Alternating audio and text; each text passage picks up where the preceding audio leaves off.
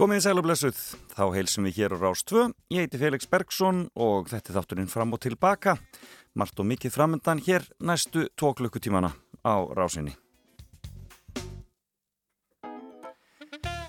Indælt að vakna í morgun og eh, já, fara út í daginn hér í höfuborginni og um, við erum að fá það staðfest að fórsetin okkar verður áf áfram fórseti næstu fjögur árin og við óskum uh, Guðun á uh, T.H. Jóhannesinni og hans fjölskyldu innilega til hamingju með það en það er gul viðvörun í veðurspáni uh, og þetta er á Suðausturlandi og að það eru líkur þar á þrömuveðri með eldingum á tímanu 7.30 til 11 þannan morgunin Um, mikla skúradempur og haglíel og forðasper vatn, hæðir í landslægi og berángur og nánar upplýsingar um viðbröðu eldingaveðri er á upplýsingarsíðu almannavarna. Þetta er náttúrulega óvanlegt, þetta er á Suðausturlandinu þannig að endilega fylgist vel með þessu. En annars svona virist vera hef, eh, svona, já príðilegasta veður, svona mestu leiti um landi það er aldrei blöytt sumstaðar en um, viða bara ágætis hitti og, og ljúft. Þannig að um, farið varlega hvar sem þið eruð og, uh, og fylgist með uh, því sem að veðurstofan og, og uh, er, að, er að var okkur við en já eins og ég sagði það er margt og mikið framöndan hjá mér. Ég ætla að ringja hér eftir nýju í hann skóla Gunnlaugsson lækni og listaverkasafnara. En síning á verkum í hans eigu er núna í gangi á Suðurlandi. Og svo verður síðasta fréttikettunni fyrir sumafrí hún verður hér klokkan hálf tíu. Þá getið þið ringt og reynd að ná ykkur í gjafabrif í Krauma. Allir á faraldsfæti og að heimsækja einhverja skemmtilega stað á Íslandi og Krauma er sannlega staður sem þess virði að heimsækja en þetta verður síðasta geturinn í byli svo fer hún í smá frí núna í sumarþanga til við byrjum aftur, byrjum aftur í haust. Og svo er það Fimmann og hún ætlar að koma til mín og Þóra Einarstóttir sem er framkvæmtastjóri Hönnunamars eh, Hönnunamars eh, frábært frábært fyrirbæri. E, og e, það er lokadagur Hannamass í dag. E, og hún ætlar að segja okkur aðeins frá því og líka fara í gegnum feimana sína. Og það eru svona hinn er ímsu hinn ímsu atbyrðir í lífinu sem að hún ætlar að tala um hérna við okkur, það verður spennand að heyra í henni þórei hér. Við verðum ekki aðtekli fyrir skörulega framgöngu. En ég ætlaði að vera með lag dagsins ákvað að hafa ný, nýlegt lag eftir um Áskilt Trausta, bara hér sem fyrsta lag. Ástæðin er svo að þetta lag heiti Minning og textin er einstaklega fallegur og mér langar með þessu lagi að tilenga það þessu uh, fólki og þeim sem eigum sást að binda eftir hennar hræðilega bruna á vesturgötunni í vikunni. Ég held að við séum all daldið miður okkar þegar við erum búin að fylgjast með svona hræðilegum atbyrðum og þetta kemur vekur upp allskins uh, hugrenningatengsl og, og um, maður fer að hugsa mikið um hvernig við eh, búum að fólki í okkar samfélagi. En eh, ég vil hefðra minningu þeirra sem fórist í þessum bruna með þessu nýja fallega lagi með Áskeri Trösta Minning heitir það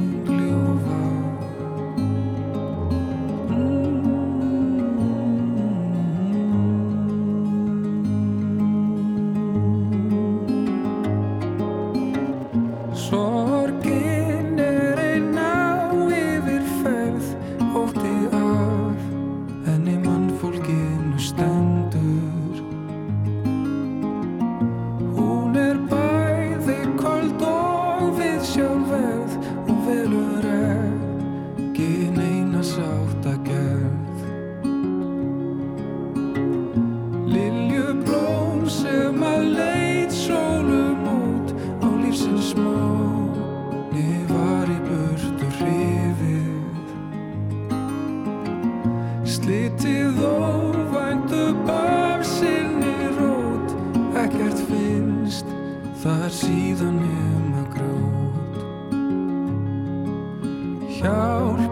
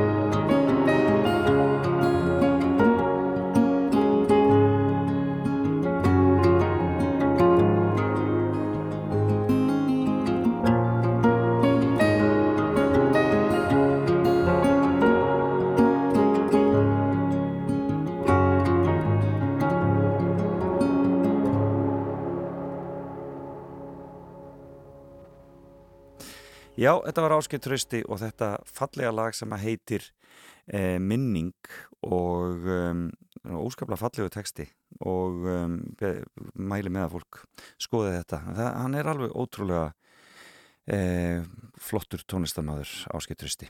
Já, og um, hér eftir smástund þá sest hún hjá mér hún Þóri Einarstóttir sem er frangværtastjóru Hönnamars og hefur svona staðhaft veg og vanda þeir eru miklu dagskráð þar. Og um, ef þið viljið þá er hægt að fara inn á hannunamars.is og tjekka dagskráni þar bara strax og svona aðeins undirbúa sig árum við förum í spjallið. Við munum eitthvað ræðum hannunamars en svo er það fyrst og fremst fimmann hennar og það verður spennand að heyra hvernig hún áttur að hljóma. Það eru lífsreynslur sem eru þar undir. Það verður spennandi. Það er ekki sem sakna þessara hljómsittar uh, ég er einn af þeim, þetta er R.E.M. The One I Love algjör snilt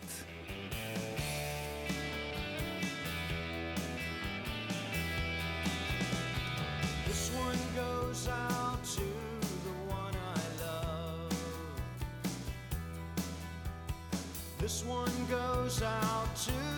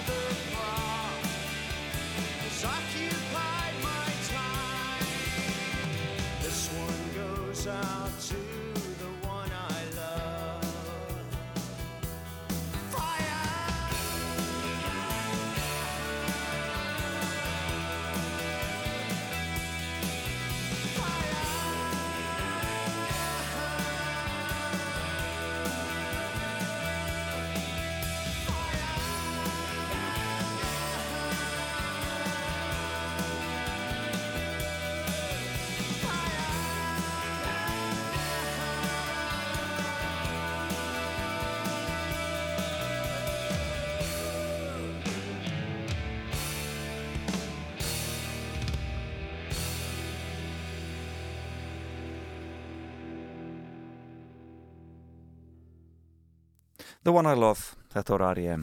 Og þá var hann sest hjá mér, gestur dagsins, Þóri Einarstóttir, hjertanlega velkomin. Takk fyrir. Velkomin á Rástvö. Takk.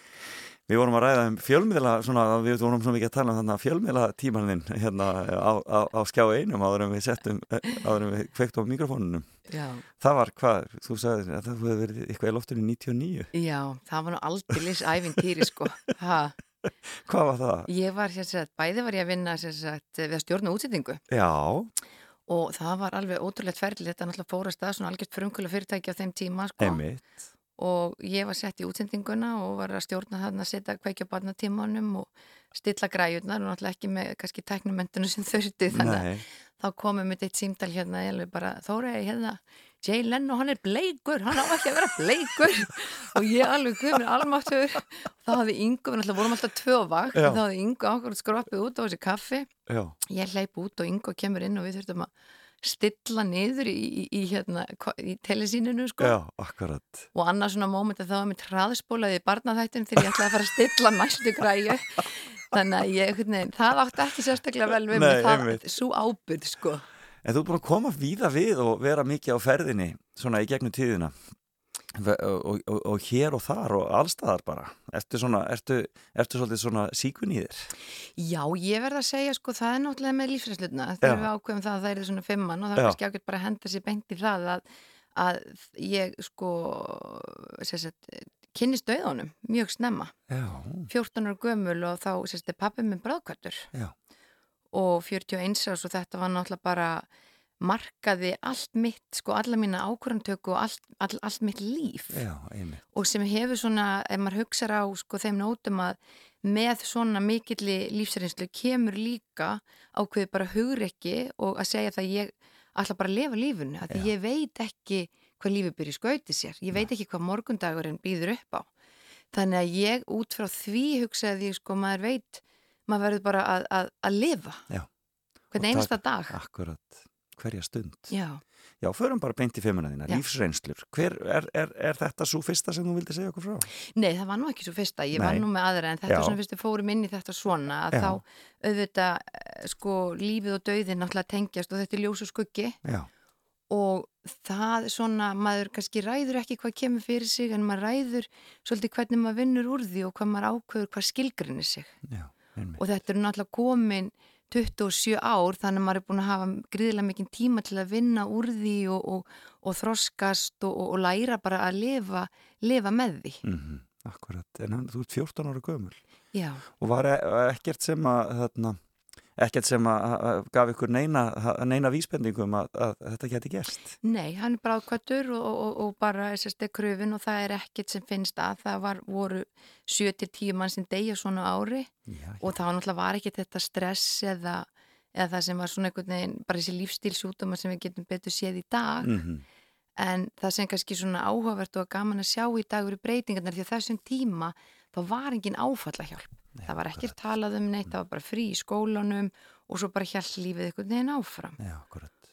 og einhvern veginn svo þessi tilfinning að skilja ekki þegar maður hefur náttúrulega ekki getið að þróska til þess 14 ára af hverju heldur bara lífið áfram? Já, af hverju bara stoppar ekki allt Varstu náinn pappaðinn? mjög, hann var alveg dásanlegur við erum sko bara indisli fjölskylda við erum fjögusískinin Já, ólust upp með ömmu Já. þannig þetta var náttúrulega bara rosa reyða slag fyrir alla fjölskylduna akkurat. Hvað heita, heita fórildið þín? uh, Jóhanna Magna Björnsdóttir Já. og Einar Þór Vilhjámsson Og hvað gerði hann? Hvað var hann svona? hann var frangvæntastjóri hjá stóri fyrirtæki og hérna ofsalega hlóhátt og, og hafði mjög gaman að lífunu, Já. hjálpsamur og, og gaf mikið að sér en það kom stórum sískinahópi og hérna þannig að það maður læri líka að vera þakkláttu fyrir það að hafa fengið á svona góðan pappa í þennan tíma. Já, akkurat, Já. einmitt.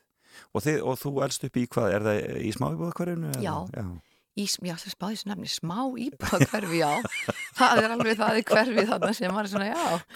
Já, já og bjóð bjó, bjó, bjó í gerði sem heitir Rauðagerði. Já, Fætt og uppalinn þar alveg til 18 ára aldur, sko. Pappa og mamma byggðu húsið og þannig að það var mikið saga og, þannig að það breiði að gera skóli. Og, Já. Já, dásanlegt. já. Góður. En bygguðu þarna áfram eftir að fæðin fellur frá? Já, við byggum þar áfram og þangar til að lífi held áfram og mamma sér sett hvað tíu árið setna þá færir hún sig og amma fer á elli heimili og svona Já. bara eins og gangu lífsins er. Akkurat, nákvæmlega. Já, þetta er mikið lífsreynsla fyrir 14 ára barn. Já, og það er sem ég finnst þessu í dag að það, bara, það þarf að ræða það meira. Já, akkurat. Að, að, svona, að þetta eigi ekki að vera eitthvað sem fólk finnst mér ennþá daginn í dag. Mm -hmm. Að við eigum ekki að vera feiminum að ræða það og vita því þetta er eitthvað eitt sem við eigum samil. Þetta er eina, sem, eina, eina breyta sem við vitum að við munum öll á einhverjum tímabúndi degja. Upplifið þú að það sé svona, að maður oft heyrt talað um að semst, áföll margir í fólk einhvern veginn fyrir lífið og það sé sko, áföll séu svona oft á tíðum það sem að, að gerir mannskilur eða að svona, uh, hvernig maður er? Ég held það algjörlega og auðvitað eru við mísjöfnir sem við erum mörg mm -hmm. og mhm. sumir hafa, eins og maður sér núna þetta flotta fólk sem er að takast á við, á við erfileika og mismunandi máta og er valdablandi mm -hmm. nefni þær hérna stelpunar sem voru að lappa núna snjódrífunar, þetta er náttúrulega bara ofbóðslega fallegt og flott að geta miðla þessu og ég held að margir geti nýtt sér þeirra hugrekki að taka svona á þessu að, að, til fyrirmyndar mm -hmm. að auðvitað náttúrulega þarf maður aðstóð þegar maður verður fyrir áfalli mm -hmm. og svona samkend og ég held að þetta er svo margt að breyta sem er svo flott í dag í íslensku samfélagi að fólk er að tala meira og það er að opna sig og, og ræða málinn. Já, akkurat. Ekki Þannig bara að láta eins og hluturinn hafi ekki gerst tveimur dögum síðar. Nei. Magnað. Þannig að þetta var fyrsta lífsinslan. Í þessu spjall okkar, hver er næst? Næsta lífsinslan er svolítið ævintýrið sem Já. verður með til þess að svona, ég er svo heppin að kynnast alveg frábæri fjölskyldu. Og það er hérna Eiríkur og þrjú börnin hans, Signi, Sigin og, og, og Óskar. Já. og Signi á þennan skemmtilega mann sem heitir Jón Tryggvason. Og ég er kynnt fyrir þeim og þá er ég þetta að leita mér að vinnu áður en ég ætlaði að fara að setjast á bekki í Háskóli Íslands að nefna stjórnmálfræði og kynnist þeim og þau eru svo miklu frunglar og eldhugar að þau ráða mig sem fyrsta starfsmannin í leikúsmókulinu. Akkurat. Búin að kaupa réttin til að setja upp hellisbúan Einmitt. í Þískalandi og ég var nú svolítið tvístígandi hérna nýbúin að skrá mig og nonni segi þú veist, þú lærir ekkert í þessum skóla. Ég skal bara kaupa bækurna fyrir þig og, og, og, og kenna þér þetta. Þannig að ég fer með þeim í það ferðalag og það ferðalag, einhvern veginn, sko, held alveg áfram á svona rauði þráður í mínu lífi. Já hvað var þetta, hvað, var, hvað varstu þarna í mörg ár? Ég var bara, það, þetta var nefnilega bara eitt ár og síðan Já. sko fjórum árum setna að þá faraðu í, í meiri hérna svona útrás og kaupa hérna Admiralspallars leikhúsi þannig að ég kem aftur þar inn og, og vinn með þeim í Berlín og flytt á til Berlín og býð þar. Já, já, og svo fimm árum setna þá hittustu aftur og þá voru þau búin að kaupa heimsréttin af, af hellisbúinu og þá bauðs mér að flytja til New York þar sem ég bjó í sex ár og var að vinna fyrir þau að setja upp á samt öðrum, að setja upp leiksýningar í Suðurum Ameríku og Asju. Þetta er alveg ótrúlegt æfintýri, maður er svona heyrt af þessu náttúrulega því að maður er inn í leikúsbransanum en þetta hefur ekkert farin eitt rosalega hátt hérna heima þessi, þessi leikúsmókuls æfintýri. Þú erst bara á kafi inn í þessu. Já og það er það sem er svo magnað að sjá að vera að setja upp síningu í Hongkong í fullu leikúsi, 500 manna leikúsi hvort það er Hongkong eða Argentínu hvað þetta er samanlegt að fólk er að hlæða sem er bröndur honum. Það var náttúrulega það sem kom manni svo á óvart. Já, akkurat. það er bara einhvern veginn, já, heyri, það er einhvern veginn veist, smá aðlugun einhvern veginn að þeir eru náttúrulega ekki með gasgrill í, í kóru eða Nei. Þú veist, kallmenn þrýfa ekki í Argentínu sko. Nei, þannig að þetta er svona, já. Akkurat, það er. En sástu síninguna síni tíma, Bjarnahauks síninguna uppröðinlegu? Nei, það Nei. er nefnilega mál, ég sá hana ekki. Nei. Ég sá hana ekki. Hérna, sem startaði þessu öllu saman já en þessi fjölskylda, hva, þarna, hvernig, hvernig fólk er þetta? Þetta er, bara... þetta er bara ótrúlega skemmtilegt fólk og gott fólk og svona þegar maður einhvern veginn fer út á vinnumarkaðin að finna svona hlýju og, og stuðning og að mér þótti ótrúlega væntuð um og þannig er ég kannski á einhverju tímabili í lífunni með svona bara Að, að, að stíga minn fyrstu skref Já, út á atvinnumarkaðunum Hvað ertu komin að það? Þannig ég bara er að, títu, ég bara er að klára mentaskólan og, og fæ þessa eldskýrn um að bara maður getur nú bara gert það sem mann er langið til. Já. og maður þurfi bara að hafa hugur ekki til að pröfa nýjar hluti og, og það er það kannski sem ég fannst að það bara þau er svo, svo skemmtilegu og samrýnd að ég sé bara, vá, þetta er fólk sem er, mér langar til að að vera í kringum. Já. Og hvernig er staðan á leikúsmókulunum í dag, veistu hvernig það er? Já, það er bara ennþá í blóma. Já. Það eru bara síningar sem ganga ennþá í Argentínu og, og Mexiko. En það er ekki og... bara hellisbúin árið, það eru aðeins fleiri Nei. verka það ekki komin þarna undir. Jú, samhliða þessu, þetta var náttúrulega sko fyrir 11 ára síðan, Já. samhliða þessu voru þau mjög öflugið að setja upp fleiri síningar Já. Og sama tíma voru við líka sérst, að taka síningar sem við höfum sett upp eins og í Guatemala Mm og síningi sem voru í Hong Kong að við vorum að taka þær og setja þær inn á bandarækjumarka.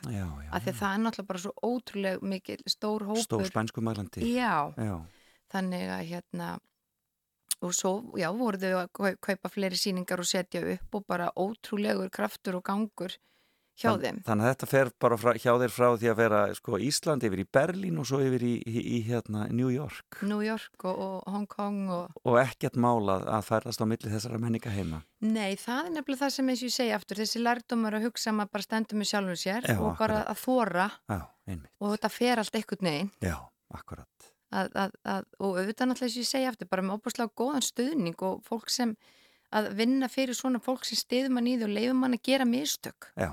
Að það er ótrúlega dýrmætt Þannig að þetta hjálpar er mikið inn í störf eins og hjá kvikmyndaháttíð í Reykjavík og síðan, síðan núna hennunamars.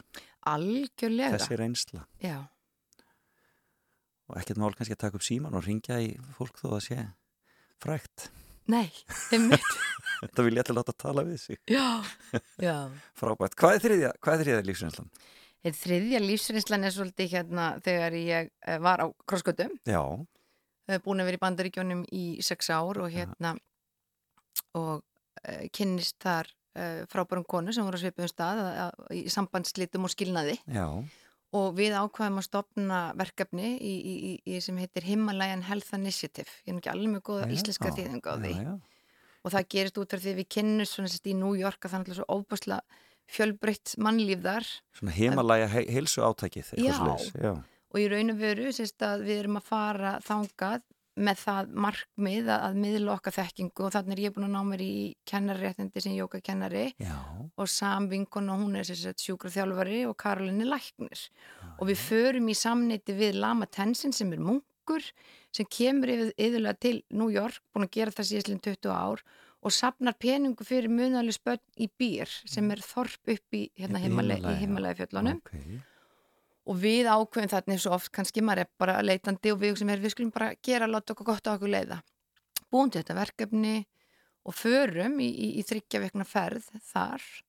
Og þess verkefni gengur út af það að hann kynir okkur fyrir hópa fólki sem er raun og veru flótamenn sem hafa verið að koma frá Tíbet Mm og eru þarna.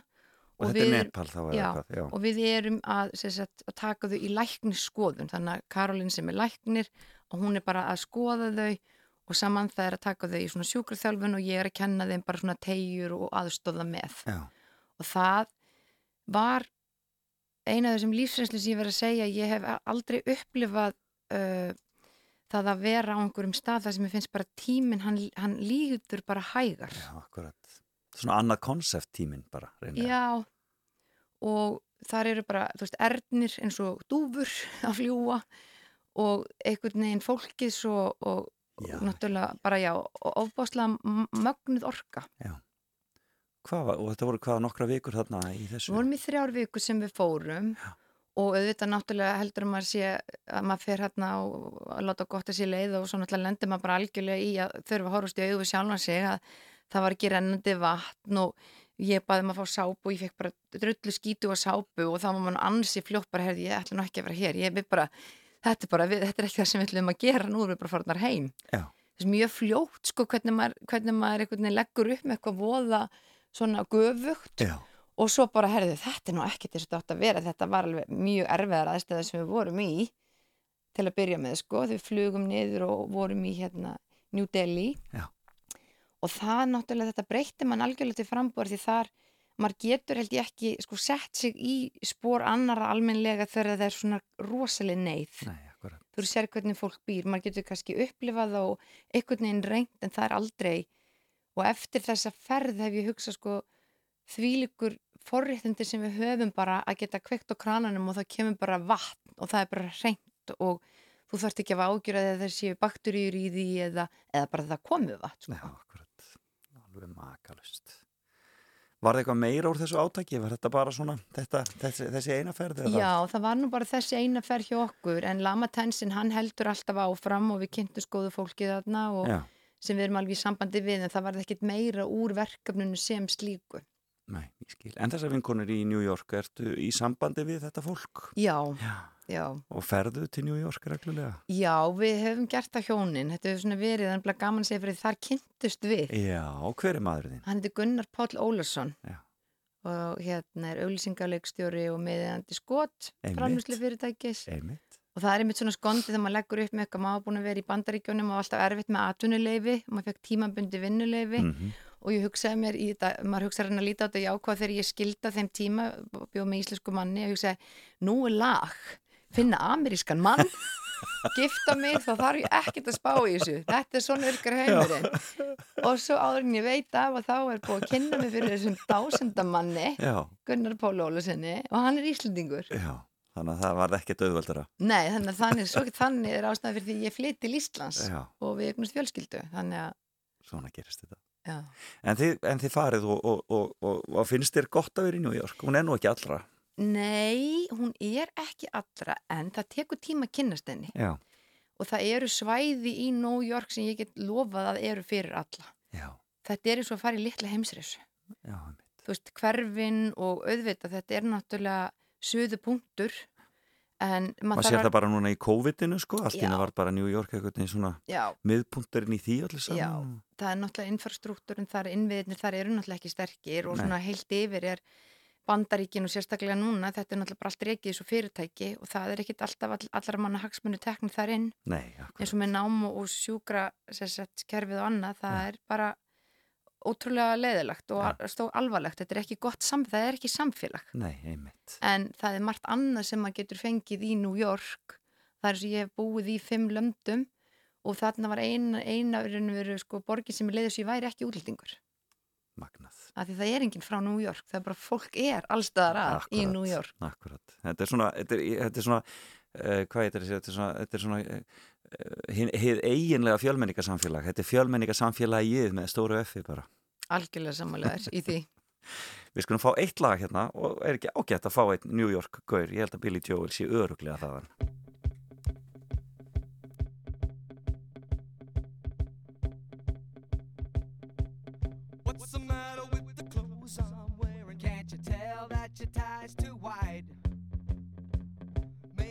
Should buy some old tab collars. Welcome back to the age of jive. Where have you been hiding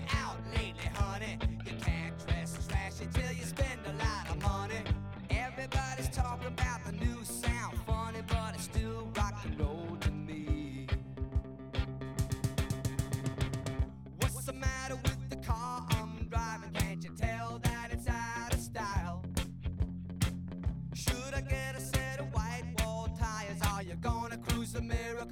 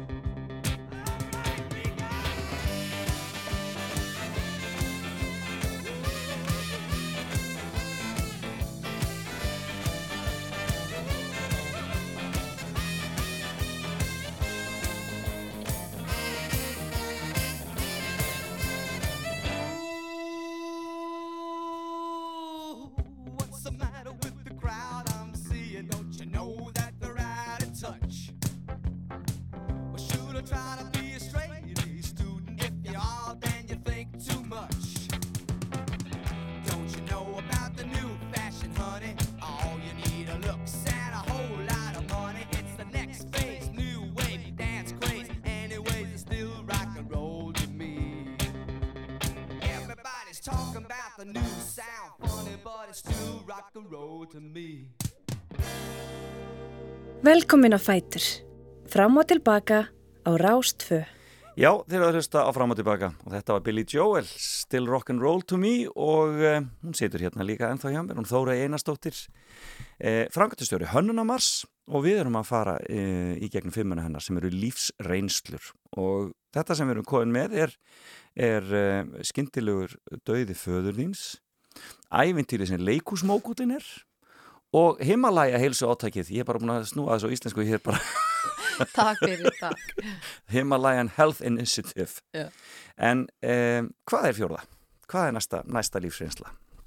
Eh, Næsta lífsreynslan var að ég fór í svona litla hjartaaðgerð Já. og hérna greinist sem sagt með eh, svona aukaslegu hjarta Mm og, uh, sagt, og það er svolítið skondað að segja fyrir hvernig það gerist að þetta er sagt í, í fæðingunni hjá fyrstu dóttu minni að þá hérna ef við erum að taka púlsin og hún sér heyrði það bara hann er eitthvað bilar þessi púlsmálir hann, hann virkar ekki púlsmálir og ég hugsa ekkert með það og hugsa allt í lagi mm -hmm. síðan, líð, kem, síðan viku setna þegar barnið komið heimin og allt er góðu þá maður í svona eftirfölgni og þá er ég þessi stjókrunarkona sem er að taka, taka með púlsin og hún horfir á mig og sér hérna já hérna, ertu langhlaupari? Já. ég sagði, betur hérna langhlaupari, nei. Já, já hérna, betur, þú lítur að vera að hlaupa marathónu þegar ég og ég er svo uppi með mér alltaf langa til að vera típan sko sem hleypum marathónu þannig að það er nú aldrei ef aldrei komist neitt lengra með það verkefni. Og ég er náttúrulega bara þverneita fyrir þetta. Og hún sagði að það bara hlýtur að vera. Þú ert með svo opbásla lágan púls ég er bara neini það, ég er ekki langklaupari eða ef ekki verið að hlaupa marathón Nei. þannig og svo er ég bara sett í tjekk og þá kemur í ljós að ég er með svona stöðu aukastlegu í hjartanu Já, já, já. og þannig, þannig að púlsmælirinn greinir ekki hvert slag Mm. allt í góðu, ég bara fyrir ákveðna meðferð við því og síðan er maður bara svo ótrúlega þakkláttu fyrir bara nýsköpun og tækni að mér er bara bóðið að koma í svona aðgerð og ég hugsa, hvað er fyrir hjarta aðgerð að og hugsa bara, þetta er bara þrýr klukkutímar. Og svo maður bara Já. sendur heim ég segi, þetta getur nú ekki alveg verið hérna, veist, hvers konar aðgerð er þetta eiginlega? Og þá er tækninu nú svo ótrúleg að maður er bara, mann er bara rúllað inn græja litla víra þrætt upp um náran og þú ert vakandi. Er í þrjá klukkutíma er maður vakandi og meðan að þeir sko þessir sko ótrúlegu fagmenn og þessi læknar sem við eigum og ég var svo meir ég láð þarna og ég segi bara ég, ég, ætla, ég ætla að fara að gera eitthvað við lífið sem skiptir máli Já, akkurat, einmitt. og þetta er svo magnað að þarna taka þér yfir hjartaðamanni Þetta er ekki gangráður þá eða svolítið sem þú fær? Nei, þú, Nei, þetta er eitthvað- bara hjartað annar. er bara vöðva, þetta er bara rafleiðin í hjartanu skil, og þeir fara inn og brenna fyrir það já og þegar út af tækninni þá geta þeir séð, bara staðsetja þeir, þú liggur á þá staðsetja þeir, punta bara eins og GPS, Þetta er magnað. Gefa þeir adrenalín þannig að vöðvinn fer á fullt og keira hjartað upp, bara þú sérst að hlaupa ykkur að spretti Mhm.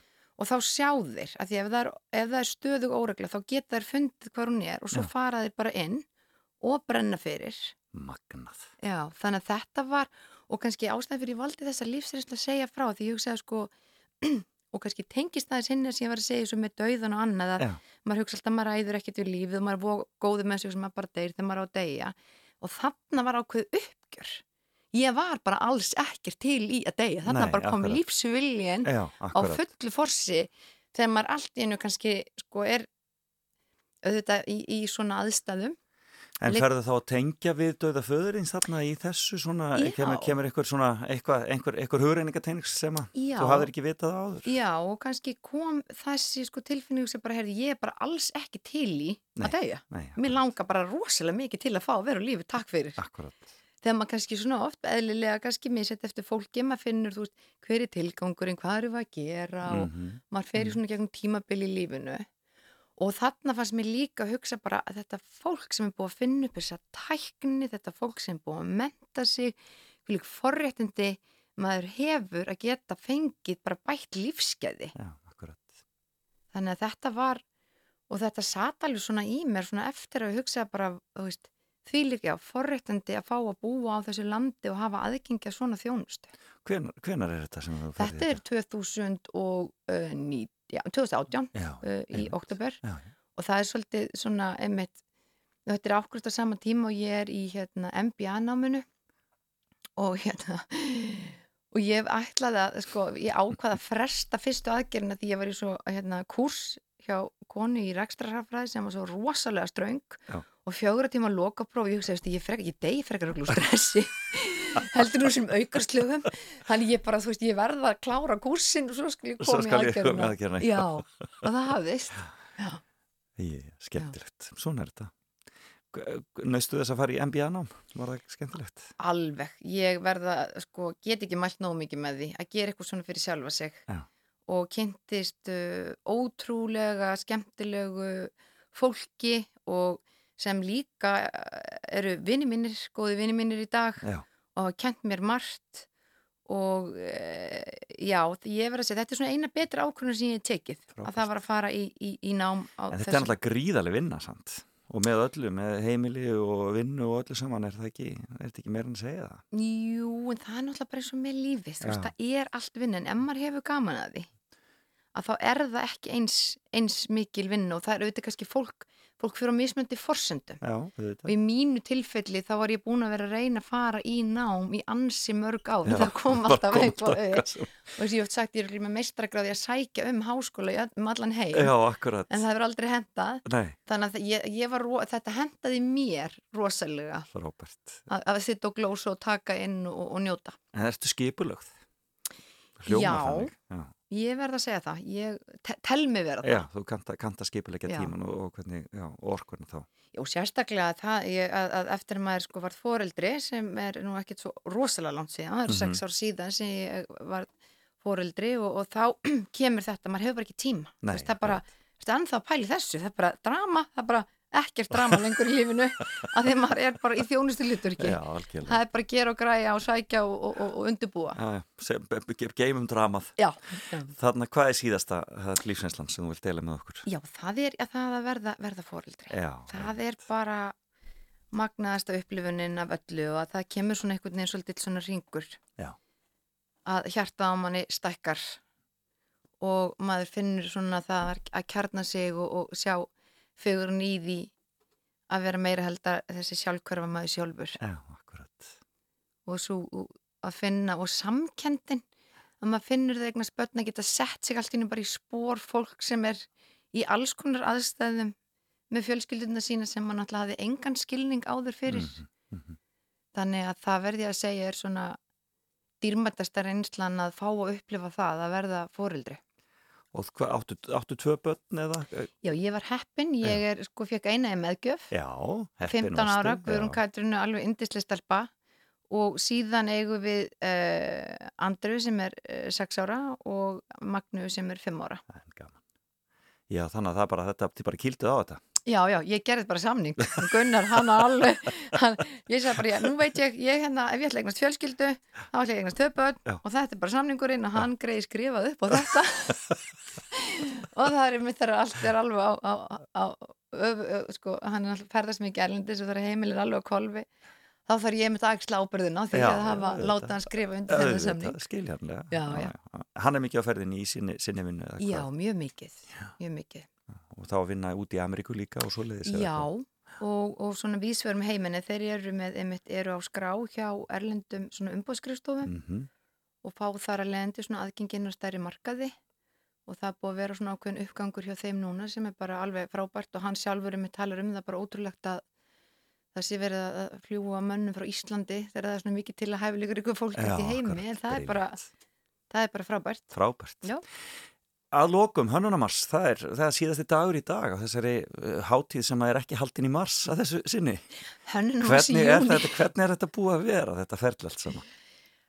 Það þyrftilega bara að tala um alla í teimunu sko, Já, til að fá einhvern svona konsensus en En er hvað eru þið mörg sem að komið að þessu? Við svona? erum, þetta er heljarina teimi Já. uh, náttúrulega fyrst og fremst bara hönnuðnir sem bara búa til síningarnar og eru burðabitin í þessu öllu og það eru yfir sko 200 manns, við erum með Já, 100, þetta er sko 80 síningar Já, og þau eru sjálf að standa fyrir 100 viðburðum sem Já. eru vinnustofur opnun, opnanir og, og hérna þannig að það er hátt í sko tvö- já, 100-200 manns bara bak við það síðan teimið erum við hjá hönnunar miðstöð eða uh, sérst, í öllu var líka verið að skipta um nafn á hönnunum miðstöðin en Já, við erum svona já. frjálslega með það þannig að það er miðstöð hönnunar og arkitektúrs Já, já. sem framleiðir hönnunumassin Já, já. og það sem Halla Helga leiðir þetta, þetta teimu búin að gera það síðastliðin sko 12 ár Einmitt. og Og þetta hefur stækkað gríðarlega. Já þetta er náttúrulega margi búin að leggja hönd og pló og það, það sem var ofbóðslega dýrmætt félags í þessu ferli var að þegar maður kemur nýrin í verkefni Mm og við stöndum frammi fyrir því bara að fara að fresta hátíð að þessari starða gráðu að geta leita til fyrrum stjórnanda, fyrrum bara vel unnar hönnunumars. Já, akkurat. Safnastjórnarnir, við köllum saman 40 manna hóp Og það er bara sest á og bara Hvernig gerum við þetta? og, og, og, já, og það fannst mér magnað og svo þakklátt já. Að sjá bara, herrið, okkur við erum bara að gera þetta hérna saman, sko. Er Og bara, kannski svolítið einstakt í okkar samfélagi svona bara út af smæðinni og hvernig við, þarna, hvernig við fungerum. já, ég, mér fannst þetta bara ótrúlega flott að sjá hvað þetta er dýnamist. Já.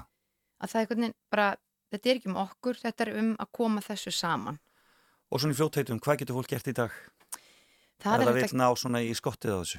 það er hægt að, að eins, og, eins og að fara inn á hönnunumars.is Já. og við erum með mjög skemmtilegan lið þar sem er uh, minn hönnunumars Mm þar sem velvaldir einstaklingar er að mæla með Já. fjóru síningum, hvað er alltaf að sjá af hverju, Mhm. þannig að það er svona hægt að fá smá leiðsögn í því. Sömu leiðis er bara eins og Hafnatorki, þar erum við með sko sex flotta síningar, arkitektasíningar, keramík, uh, grafík, vöruhönnun og frábært að segja fyrir því það er þetta að kaupa margt á síningunum. Það hefur oft Já. verið að fólk hugsa, mér langar í þetta. Já, það er hægt núna í Það er hægt að kaupa, já. Hægt að kaupa og síðan er hægt að fara upp í Norrannahús.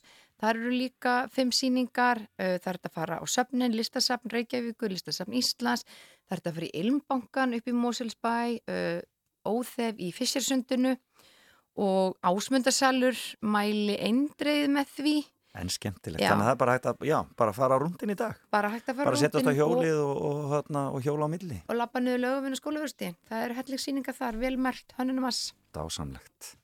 Þó reynastóttir kæra þakkir fyrir að koma í fram og tilbaka og deila með okkur lífsreynslunum þínu.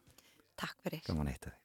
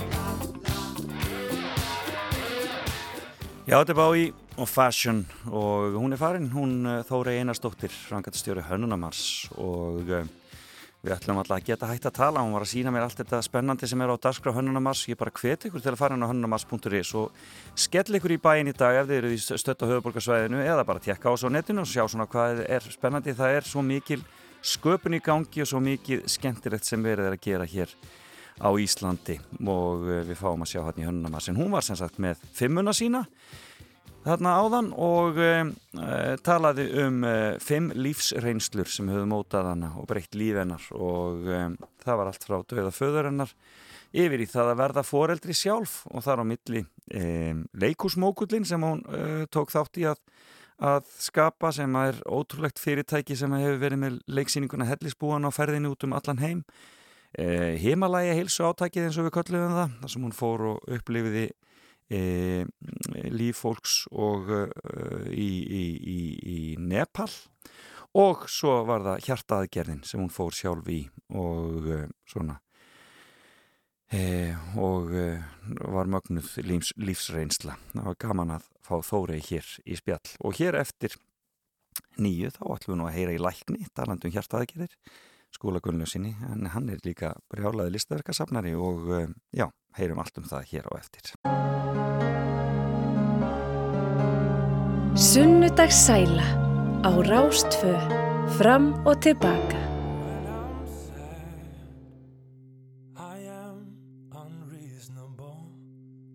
Just like a little kid mad at the world. When I'm alone I am defenseless, just like the boy I was afraid in the dark.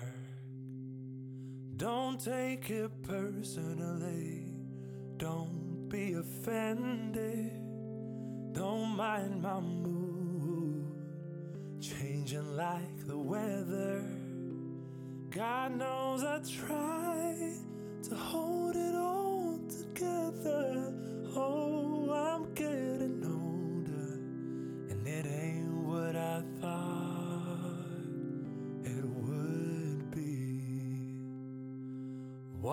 Awake, the planet spins around a little too fast for me most of the time. Lost control, my thoughts are flickering just like satellites lost in the sky. Don't take it personally, don't be offended, don't mind my mood, changing like the weather. God knows I try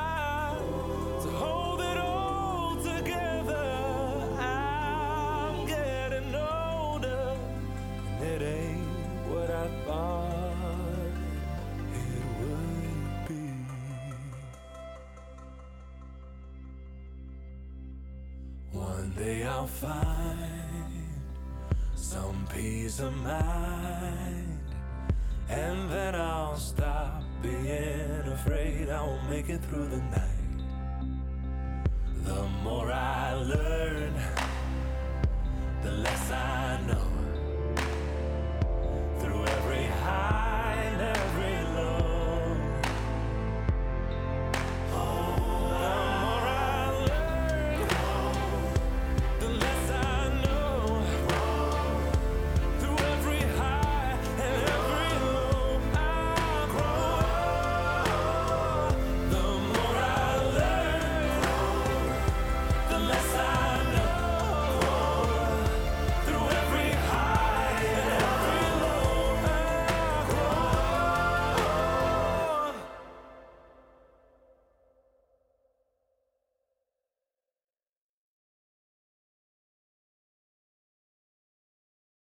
Þú ert að hlusta á Fram og Tilbaka með Felix Bergsinni á Rástfö.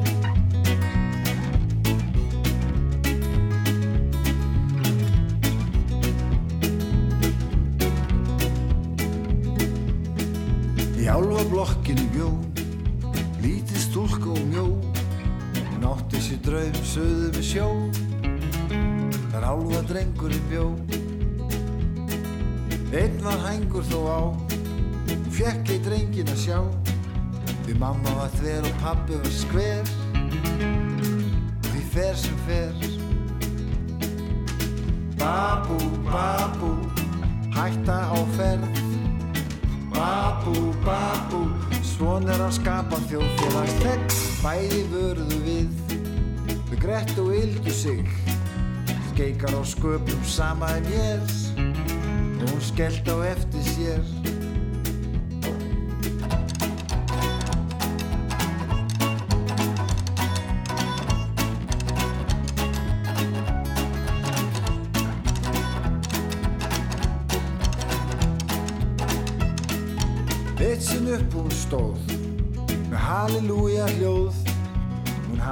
séð eitthvað sætt eitthvað bitastætt Babú, babú hætta á ferð. Babú, babú Babu Babu segir KK og um, það er hægt að tak- taka undir það að það fyrir að koma að líða að nýju fréttum og svo höldum við áfram hér í fram tilbaka. En fyrst þurfum við að fá örlítinn tilkynningalestur heyrumst aftur eftir nýju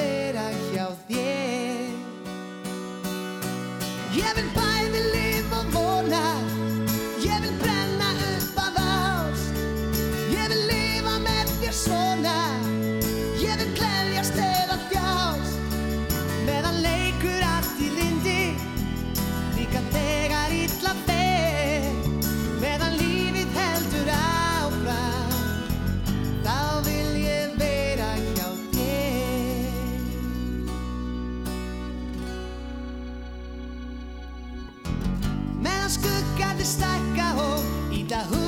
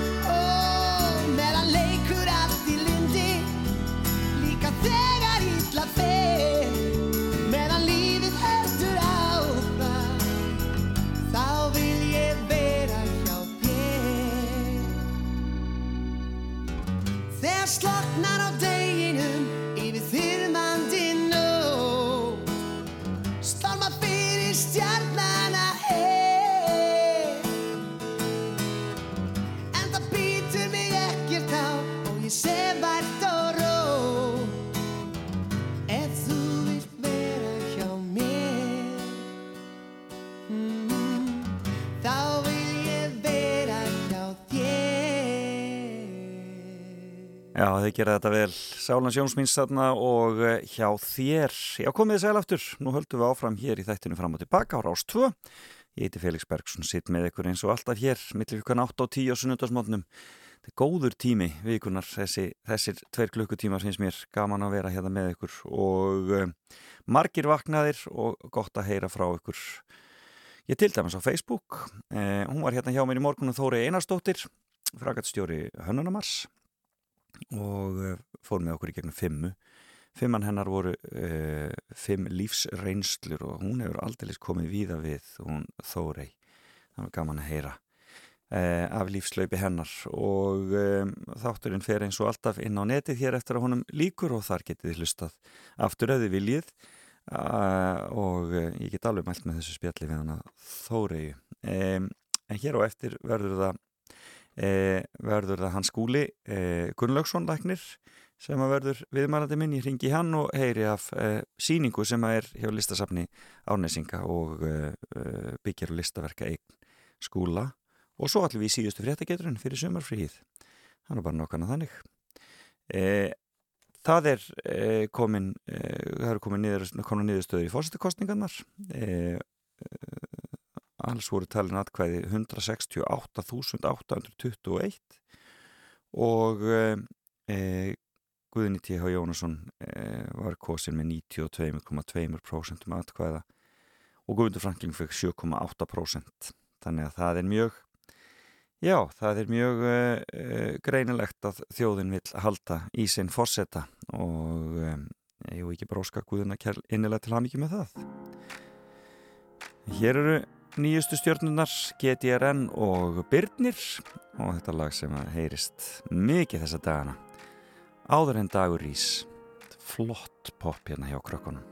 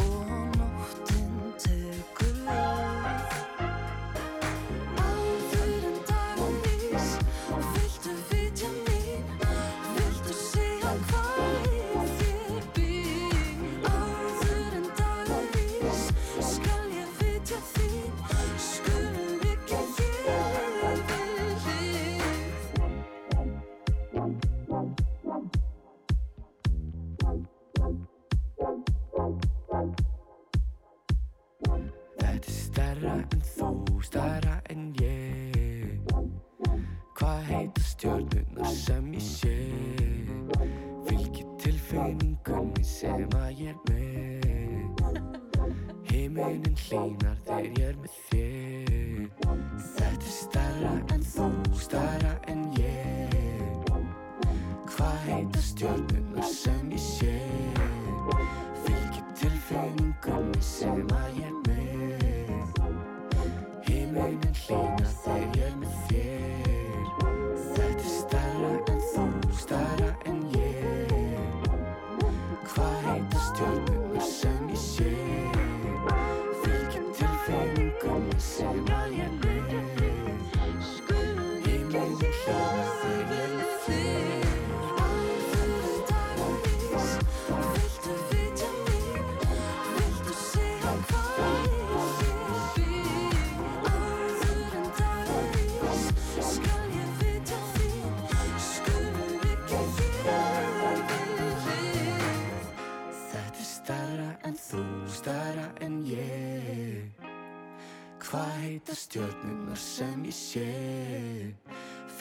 tilfinningunni sem að ég með Himinin hlýnar þegar ég með þér Beint úr efstaleitinu í Reykjavík. Fram og tilbaka á Rástfö.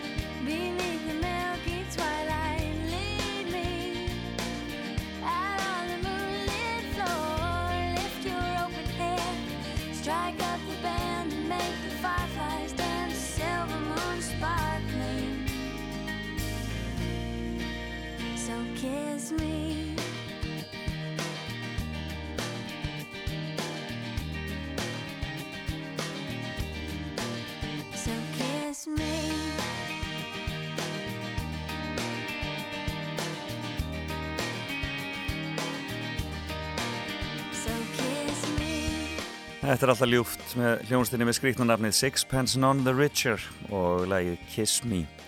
En í listasafni Árnesinga í hveragerði er, var verið að opna síningu bara fyrir viku síðan sem að kallast, eh, heitir Tíðarandi e, en þetta eru samtíma verk úr engasafni skúla Gunnlaugssonar sem er þarna verið að sína og e, þetta kallast þá í síninguna Gjöfin til íslenskar alþýðu e, sem er e, stoppgjöfur Agnars í smára til listasafn ASI en svo síning var í listasafni Árnesinga fyrir nákvæmlega einu ári síðan.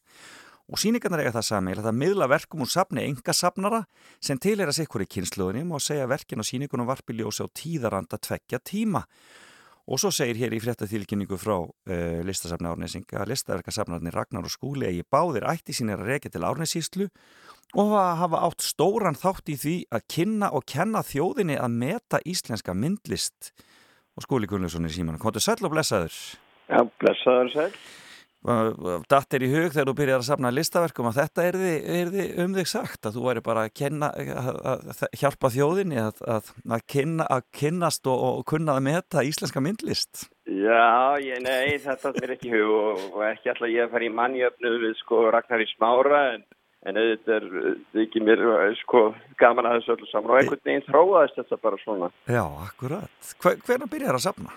Ég alltaf ekki verið svona, það er ekki nema svona, já, 12-13 ár síðan. Ég bjóð þá í bandaríkjunum og, og búið þar, bjóð þar í 20 ár og, og var, þetta var svona mín leið fyrst sko til þess að halda sambandi við menningararfin minn og, Já. og ég hafði alltaf áhuga á þessu og síðan var það úr, úr þessu þetta sem við er í dag. Já, er, va, va, þegar þú varst strákar alveg upp í þá, hafður áhuga á myndlist þá? Já, þá já, já, mikið. Já, já, móður mín var handafinu kennari og, og, það var svona, við vorum fimm sískinin og það var haldið á okkur handnett og, og ég var voða dölugur, ég hafði nú því miður ekki, ég ætlaði að verða myndlistamæður held ég, kannski einhver tíma en, en, en það var kannski ekki alveg hæfileikonum að dræfa þannig að það var svona Það, þannig að það varð ekki úr. Nei, það verði ekki, ég, ég, ég er vissilega bent á að fara í eitthvað annað, kannski, uh, þótti kannski ég heldur praktist, sko, það Nei. var ekki verið að tala um praktík þá. Akkurat, en fóstu á myndlistasýningar á yngri árum? Já, já, já, við, við fórum, sko, það var farið í svona, uh, byggum þetta í sveitum árnarsíslu og, og það var, það var farið svona, í, þegar það farið í bæjarferðir og í suður eins og sagt var, að þá var, þá voru, voru, voru fóreldrar okkar með okkur á síningar og tónleika og þar sem við gottum þannig að það var, það var, þessu var haldið að okkur svona Já. skapandi, skapandi hlutum, sko. Skapandi greinunum, einmitt. En svo, en svo ferði í læknin. En hver, hvað er, hvað er stafnið þetta orði? Veistu hvað það telur orðið að verku? Ég, já, sko, eins og segi, þetta er, þetta er uh, gæði frekar en magn, ég, ég leggum alltaf mikla áherslu á það, og, og, og, en þetta eru eitthvað yfir 900 listaverk og, og, Já. og ég byrjaði mikið til að miklu eldri verku, það fekk ekki áhuga á þessum móternistum fyrst, sko, Þorvaldi skúla og Svavar Gunnar, þannig ég byrjaði þar svolítið og, Hvað er fyrsta verki sem þú kaupir? já, Manstu Ég hugsaði, verk eftir, já ég hugsaði nú verið kjærvalsverk uh, held það svona og, já svona svavarsverk en ég var fyrir áhrifum bara strax þegar ég byrjaði í læknadeild að þá fekk ég svo mikið, listasafn Háskóla Íslands er að stopna til, kemur, er gjöf Sverri Sigursson og Engi Barga Guðmustóttur sem sem eru auðvitað látin en en þau voru safnarar og það er hás, listasafn Háskóla Íslands er þeirra úr þeirra safni og, Mm og maður fór að taka eftir þessum verk, verkum hérna hangandi á veggjunum í, í, í, í háskólanum og, og fór að var forvitunum um þessi hjón og, og kannski hafði það einhver áhrif setna, öruglega eitthvað og ég var, maður náttúrulega, var ekkert að kaupa neitt þá en, en svona þegar ég fór lauk mínu námi í bandaríkjunum að þá fór að, fór að, fór þetta verða til og Já. eins og fyrst alltaf ég bara eignast nokkur fallegu eiga heim hjá mér en,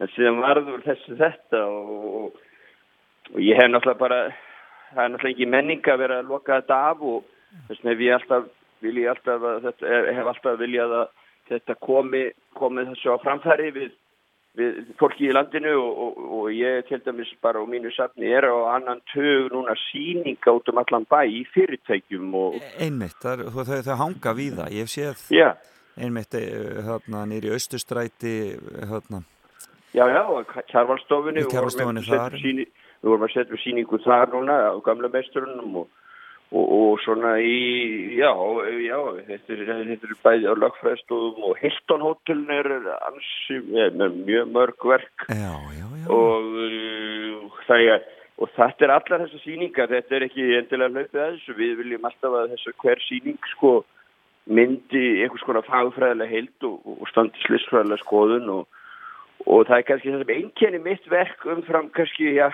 já ég veit ekki, ekki, ekki sko það sem einkenni mitt safn er kannski óvanlegt við það að það eru öll tímabilin í íslensku myndlistasögu undir. Þetta er alveg gamlu mestararnir og síðan mótenistöfnir nýja málverki sem verður til upp á 1980 og síðan koma vídjóin og ljósmyndaverkin og, og allt en, en alls ekki allir listamenn, það er ekki metnaður hjá mér eignast Nei, nei, nei, ég skil. Fráleitt, sko. En, en, en þessi síning í, í, í listasafni Árnesinga. Það er, það er svona, það er yngri kynnslóðin, eða ekki? Já, yngri kynslu. Þar eru flestir fættir, sko, þetta er fólk sem fætt svona um 1980, svona, svona það er svona meðaltalið kannski, Já, en, en þetta er sko kannski með elstu mönnum er hérna Ragnar Kjartansson og hann er fættur 1975 eða 6 Akkurat. og þannig en þetta er og mar, margt af þessu fólki er bara eh, réttur og bleið þeittjótt en samt sko hámentað fólki myndlist og, og, og raunin ekki neitt ekki, þetta er ekki fólk sem er, sem er flokka sem efnilegt heldur er þetta fullskapaði listamenn og, og þarna er kannski það sem að þetta er náttúrulega gríðarlega margir í þessu sem er bara gott og en uh, þarna er svona það sem að ég tel að geti staðið er svona mínumatti Já. stends tímans tönn finnst mér og þarna er kannski gott yfirlit til þess að fyrir þá sem er einmitt að velta fyrir sér myndlist eftir yngra fólk, þetta er oft ódyrur að kaupa þessi verk að, að þarna getur fólk fengið ágættis yfirlit yfir það sem að ég allavega, það skiptir ykkur máli hvað mér finnst, en svona allavega það sem er, er, sem að ég, ég mæli algjörlega með Einmitt, Eh, sko, en, en hvernig fer sýningin að stað? Er, er, finnur þú fyrir áhuga? Er Já, það var mikið, það, er sko, það mætti við 500 manns núna bara um daginn og, og, og það er nú bara fáheirt að, að, að sko mæti svo margir á myndlistasýningu hvað þátt á landi. Já, Þannig að það var alveg, er geysilur áhugi og, og bara, frábært. Og var ekki miklu aðtökli þannig að það, mann, ég, mér þykir afskaplega vænt um það og, og, og bara frábært sko. Og, og alveg eh, tilvalið að skella sér í, í bíltúr og, og fara og njóta myndlistar. Algjörlega, sko, það er fritt inn og, þetta, þetta er nú í leiðinni Ja. ja. allstaðar og, það er ekki einu sinni eða fimmúskallinum frá hérna í þetta, sko. Nei, Þannig að- að þetta er bara, bara gaman. Eða honum bara í eitthvað annað. Já, já, Já. já, já, einmitt, Já.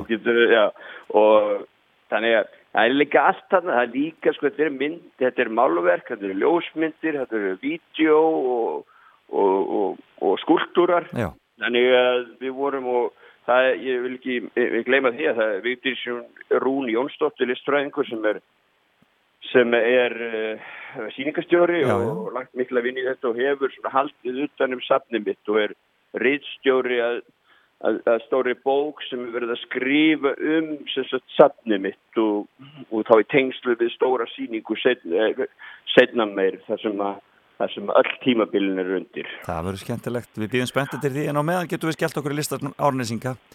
Já, Kærar þakkir Skúli Gunnlaugsson, læknir og listaverkasafnari, gaman að heyri í þér. já, takk sem leiðis. Njóttu sunnudagsins.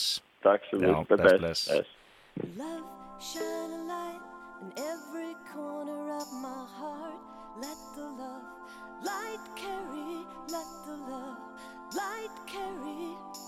Light up the magic in every little part. Let our love shine a light in every corner of our hearts.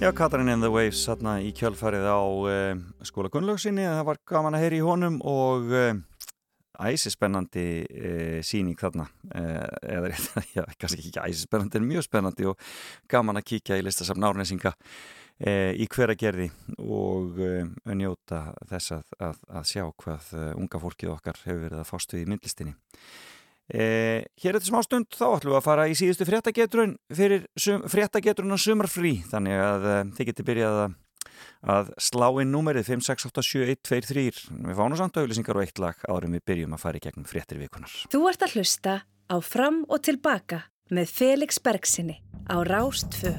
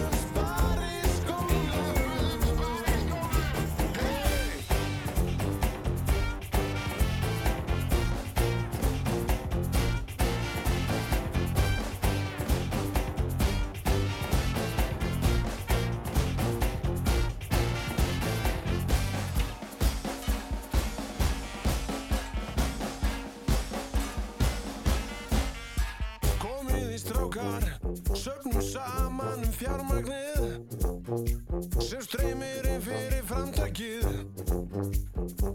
Að hugsið ykkur bara. Sá sem spyr einskis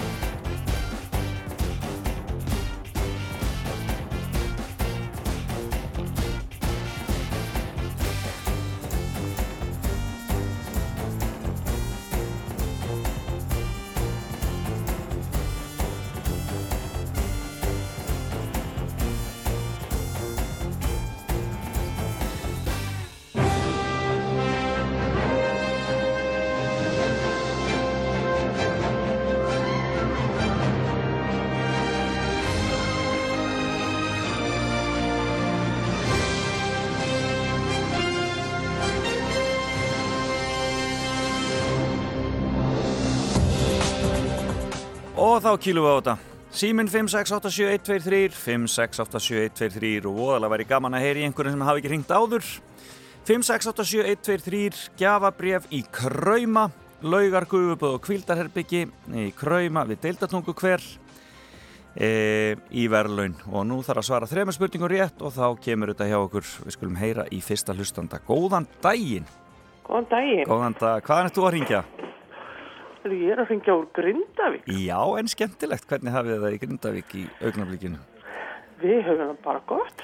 Var ekki glatað að missa sjóaranu síkáta? Jú. en verði ekki bara allir að fara eftir fyrirmælum Jú, jú, það er bara þannig, við erum öll almanna landverknis og, og allra hinna og, og, og líða víði og allt þetta. Akkurat, já, já, Já. það er svona. Heyrðu, en við skulum skella okkur fréttagetunum, fylgjastu vel með? Já. Já, og þá er þetta hérna fyrst. Renati Blál L hefur höfðað mál gegn fyrrum eiginmanni sínum og það hefur rataði fréttinar. En ég spyr, hver er þessi fyrrum eiginmaður? Getur sagt nafni aftur. Renate Blál L.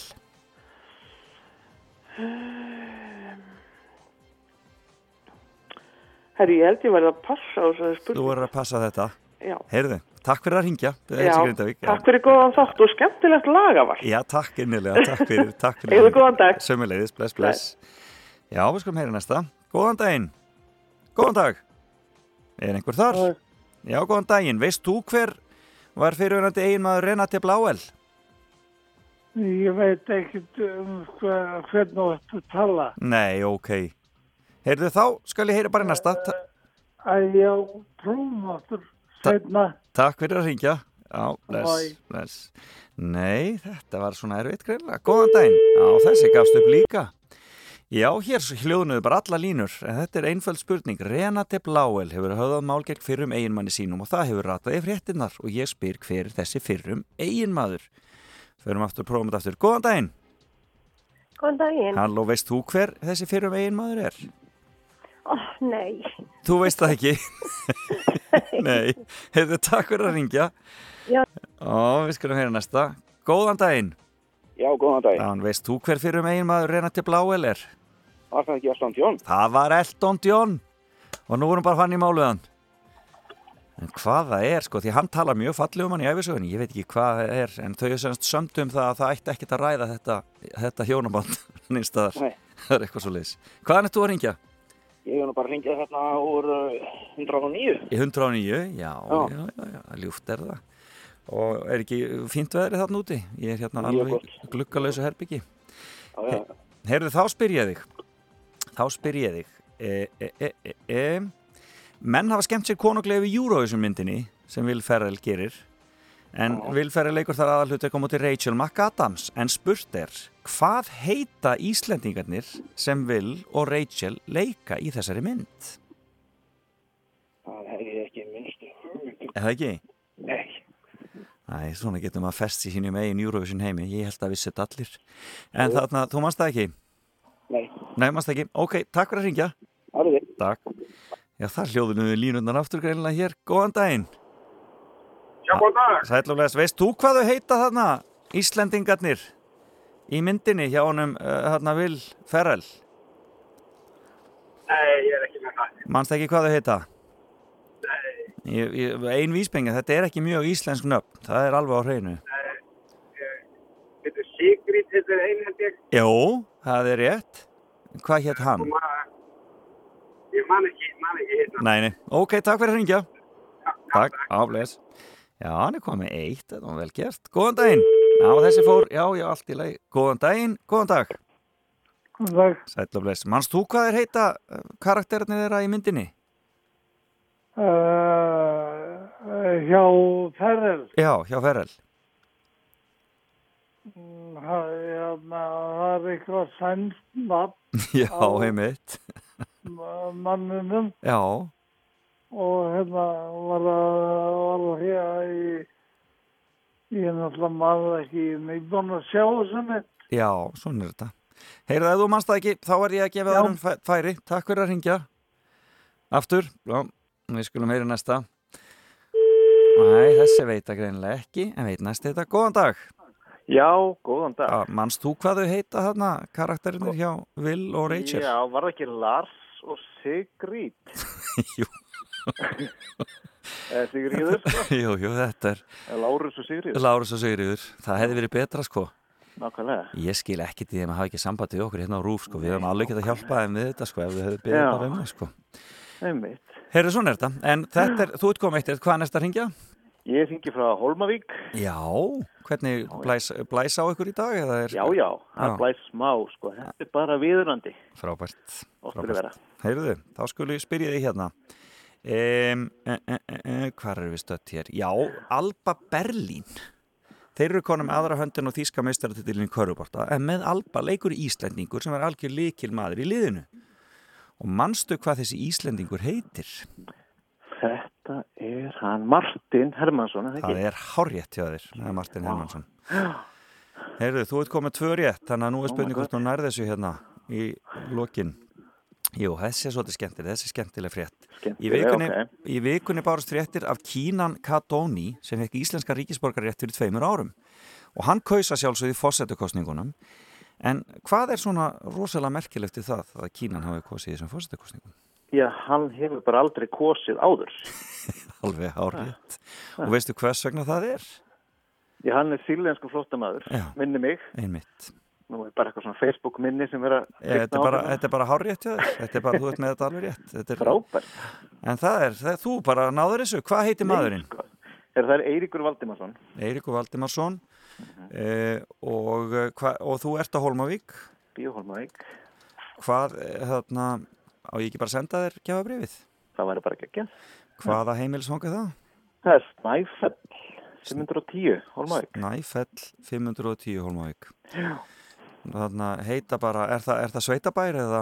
Nei, reyndar ekki sko. Þetta eru, það eru örfa hús í þorpinu, svona gömur hús sem að heita bara, standu ekki neina götu, eiga bara sitt eigið, já, hérna, lögbíli eða... Þetta er við sko. Já, þetta er frábært. Þetta er svona, Þetta er svona eins og útlendingarnir er að skrifa, skrifa manni kort og segja í græna húsinu í 107 Reykjavík og þá kemur, kemur bara best þetta. Þarna, eh, hvernig er lífið á Hólmavík þessa dagana?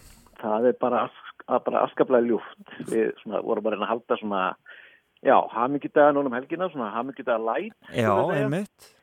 Það var eiginlega ótækt að sleppa alveg hamingjunni þó að, þó að svona útiháttir og, og hópfögnuður væri kannski ekki vel liðin eða þannig séð í Einmitt. ástandinu. En hvernig gekk það? Bara virkilega vel. Bara hér voru heimamenn og gestir að njóta bara alls konar skemmtilegra gær og, og í dag líka. Dásamlegt, dásamlegt og gott að fá svona góða helgi líka í þetta. Heldur betur, já, já, já. Frábært. Þarna, e, og eru það sjásvöldið af innlendum ferðamennum hjá okkur? Já, sko, það er bara að aukast svo litið, sko. Já. Hér eru, já, já, bara törvægt að gestum og ég bý hérna rétt á móti einmitt veitingasta bæjarins aðal og mér finnst bara að vera alltaf fulltar, þannig að það er mjög ánægilegt og nóg að gera tjálsvæðinu og við bara tökum þetta bara létt og Frábært Við og, og, og, og, hafið opið galdrasafninu og Já, söðfjörðsetturinu og öllu þessu skemmtilega sem upp á Þetta er allt bóðið þarna. sko. Frábært. Byrð kærlega að heilsa uh, á Hólmavík. Gaman að heyri þér Eiríku Valdimarsson og til hamingju með þetta. Ég sendi þér uh, velunin þín bara hér eftir að þætti líkur. Kæra þakkir. Kæra þakkir sömuleiðis. Já. Blessaður, bless, bless. Já, þetta var Eiríku Valdimarsson, hann tók fréttageturina og fær gjafa brefið í kræma. Eh, nú fer fréttageturinn í smá sumarfrí, byrjum aftur svona einhver tíman í ágúst, svona þegar ég er koni stuð aftur. En kæra þakkir allir sem hafi ringt og tekið þátt, alltaf gaman að heyri ykkur.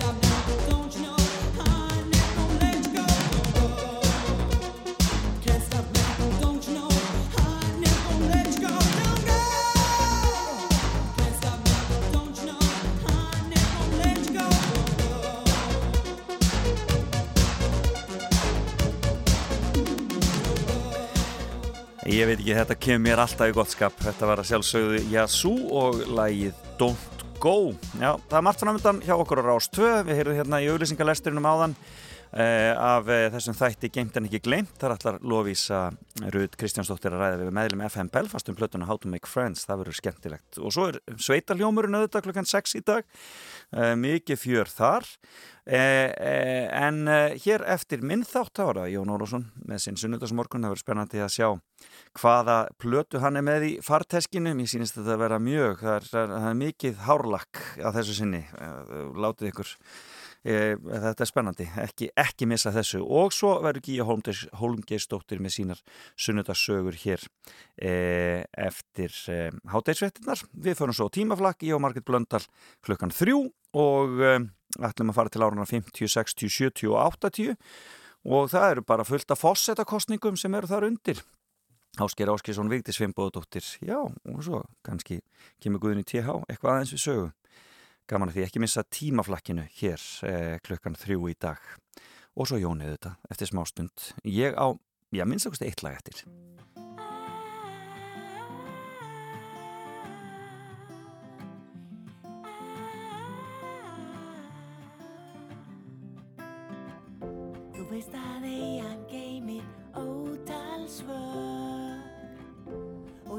fleiri spurningar Sögu hennar þekja ófá ör sem mæti munu kvíla þar. Hún sorgir á sem engir sjá. Óteljandi leyndarmá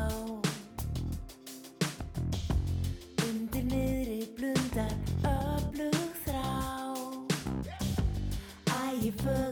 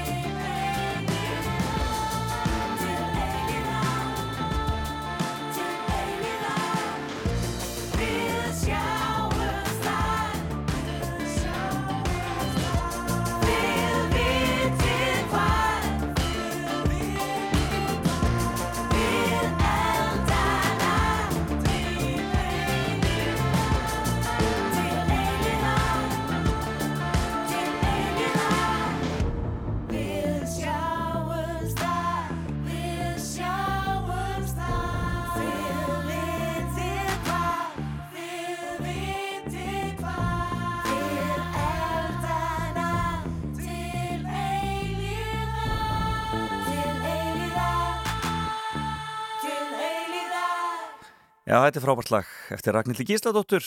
Sjáumst þar, þetta var þjóðháttíðalagið ég, hvern var það? 2017 held ég eitthvað En þetta er komið hjá okkur í dag og ég ætti að og það var frábært að fá þessa gesti til mín í dag. Skúli Gunnlaugsson var í símanum.